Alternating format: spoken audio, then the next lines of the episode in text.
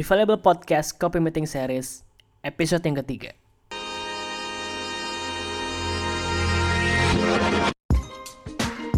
Pada episode kali ini, gue akan ngobrol bareng dengan founder dari Kayaknya Enak, yaitu Dimas Bahri. Kita akan ngebahas tentang food blogging. Yang menarik di sini adalah Dimas Bahri ini selain ngedevelop at Kayaknya Enak, dia juga sebagai karyawan di salah satu startup. So just check it out.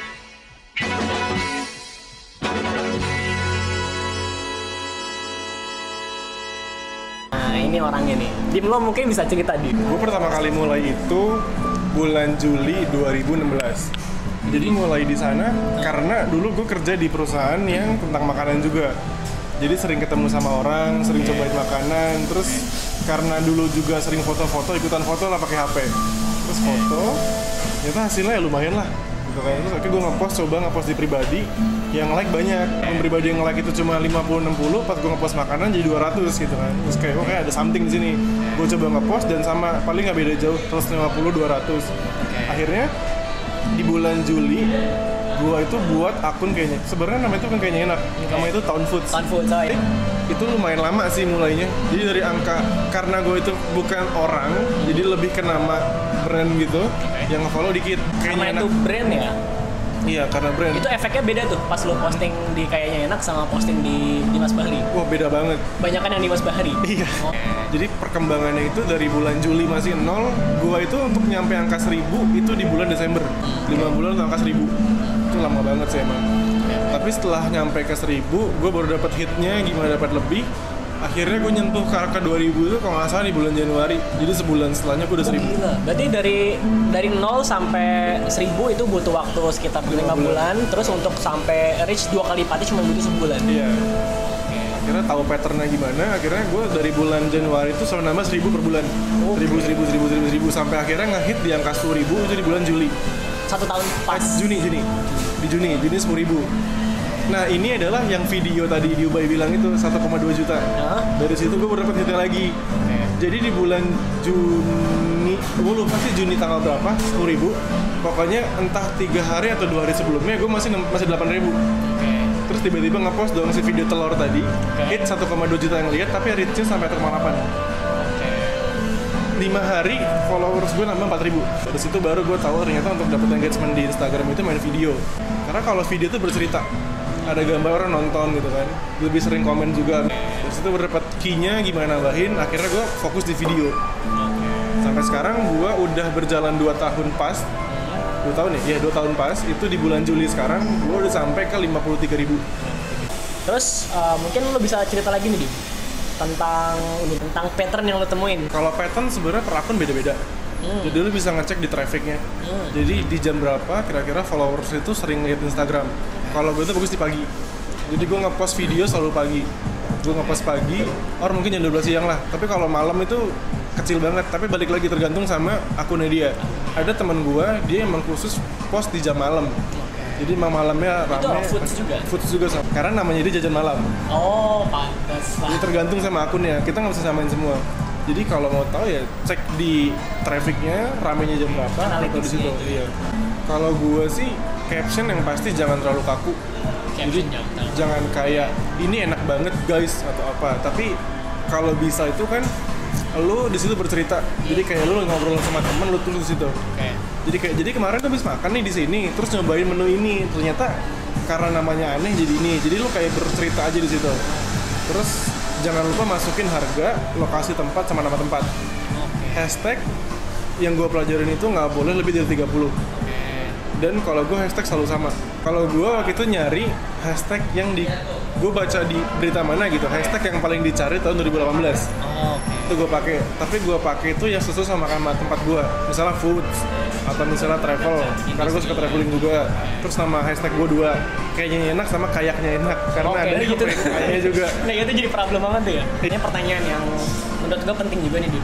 Uh, pertanyaannya gimana sih dia mau cara ngebagi waktunya nih antara Waduh. lo ini kan agak apa ya susah juga nih. Hmm. Gimana cara bagi waktunya mungkin gitu. Apalagi lo kan sambil kerja di startup kan yang notabene kerjanya gila-gilaan. Iya. Berarti nggak kejar waktu apa? Kalau bagi waktu sebenarnya agak ribet sih. Jujur gue kadang-kadang suka stres sendiri. Ada kerjaan ini belum selesai terus itu dari kantor. Terus dari kayaknya enak ada yang belum kelar juga. Cara gue tuh adalah gue biasanya sentuh kayaknya enak itu di jam istirahat sama jam malam. Jam istirahat sama jam sama weekend. Oke. jadi I have no holiday sama sekali. oke. Weekdays gue kerja kantor terus kalau misalnya ada minta artikel atau apa pun gue ngerjain di jam istirahat. Jadi gue rela gue nggak makan untuk buat artikel. Kalau gue selalu nempatin di jam istirahat jam malam sama jam weekend. Itu memang waktu khusus buat kayaknya enak tapi kalau weekend kadang-kadang sabtu pacaran berarti minggunya dipakai terus dia pertama kali lu dapet orang yang endorse ke kayaknya enak itu kapan terus gimana tuh prosesnya Oke, itu sebenarnya ada lucu sih. Ah. Jadi waktu itu gue dap, gue kan mulai di angka 1000 itu Desember. Oke. Desember, anggapnya Desember awal. Gue lupa tanggalnya pasti berapa. Terus di bulan Januari, tepatnya di hari ibu, kalau gue di bawah 10.000 ribu, gue nggak pernah set harga sama sekali. oh nggak pernah set harga Karena gue pengen orang tuh tahu dulu kayaknya gimana. Gue juga mau ketemu sama mereka gimana gitu loh. Biar mereka tahu dulu Dimas tuh kayak gimana. Oh, pengen Kayak baca kalau calon klien ya Iya. lo mapping customer avatar lo Iya, ibaratnya jadi gue nggak pernah set harga sama sekali. Gue cuma bilang nggak ada kak, aku di sini bantuin doang. Tapi ternyata dia ngasih aku fee. berapa tuh Itu kecil banget sih emang, lima puluh ribu. Tapi lumayan. Lumayan lah. Itu kayak dapat lima puluh ribu. Ini ya salah. Pecah telur lah ibaratnya. Iya, gue langsung waktu itu yang partner gue, sama mantan gue tepatnya. Gue kan berdua sama dia. Namanya Tan. Tan jangan ketawa dulu, jangan senyum dulu. Kita pulang dulu. Pulang sampai mobil baru ketawa. Gila men, kita dapat uang. Setelah bulan ketujuh kan lo mungkin tadi kan lo cerita flower lo naik dua kali lipat naik lagi naik lagi sampai akhirnya sekarang lima puluh ribu ya klien terbesar lo siapa sih paling pertama itu CRP Group Bakso Bujangan, Warung Abnormal, Oh. Sambal Carmila Pokoknya semua grup mereka itu sering banget di gua Kedua, kalau dari segi value Yang paling besar itu adalah Hotel di Puncak Namanya Novus Giri Ketiga itu yang lebih sering lagi nggak lebih sering tapi sering setiap bulan paling per dua bulan sekali itu Texas Chicken. Dapat banyak itu di pada saat gue menyentuh akan 3000 tahun bahkan lagi jalan tahun pertama. Oh jangan bentar. Maret sih belum belum Maret ya terus lo bisa ini nggak nih apa kayak cerita nih? Sekarang bisnis modelnya kayaknya enak itu gimana sih? Kalau modelnya yang paling besar endorsement pas kedua itu dapat dari YouTube. YouTube YouTube gue emang belum terlalu bagus, masih merintis, tapi gue pernah dapat sekali. Itu di angka 2,8. Ketiga itu ada beberapa brand yang pengen muka gue di iklan mereka. Karena lo keren ya Enggak juga sih, gue gendut gini. terus eh, kan kalau di bisnis online itu kan ada namanya traffic generation ya selain yang tadi lo posting-posting Instagram lo ada hal-hal yang lagi nggak Gue nggak pernah pakai ads sama sekali. nggak pernah pakai Facebook nggak pernah pakai ads. Instagram nggak pernah pakai ads. Kalau SEO mungkin pernah kan bapak ajarin nih.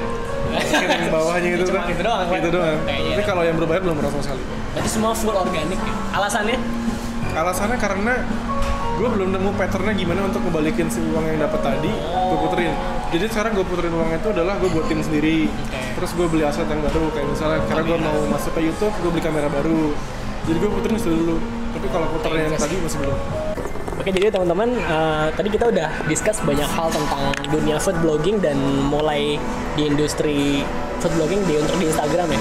Eh, kita awareness-nya ada banyak banget yang bisa kita dapat. Yang pertama eh, kalau misalkan masalah posting di Instagram itu kita cobain semua dulu. Coba semua dulu dari semua waktu dan dari situ kita bisa ngebaca data.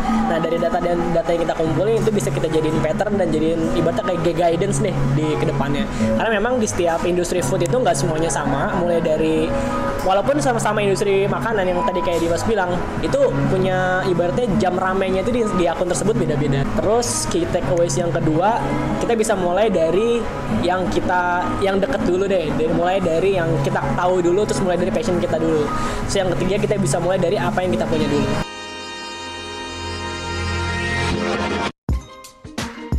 Oke guys, itu adalah podcast Copy Meeting Series yang ketiga. Gue udah ngobrol bareng sama founder dari Kayaknya Enak. Moga-moga lo dapet insight yang bisa dipakai buat sehari-hari misalkan lo pengen develop bisnis atau mungkin sebagai content creator di niche food vlogging. Dan buat lo yang pengen lebih detail belajar yang berhubungan sama digital marketing dan private labeling, jangan lupa untuk kunjungin website gue di playbook.privalabel.id masukin alamat email lo dan lo akan bisa dapat insight-insight lebih menarik lainnya di sana. Oke, mungkin itu aja. See you in the next episode.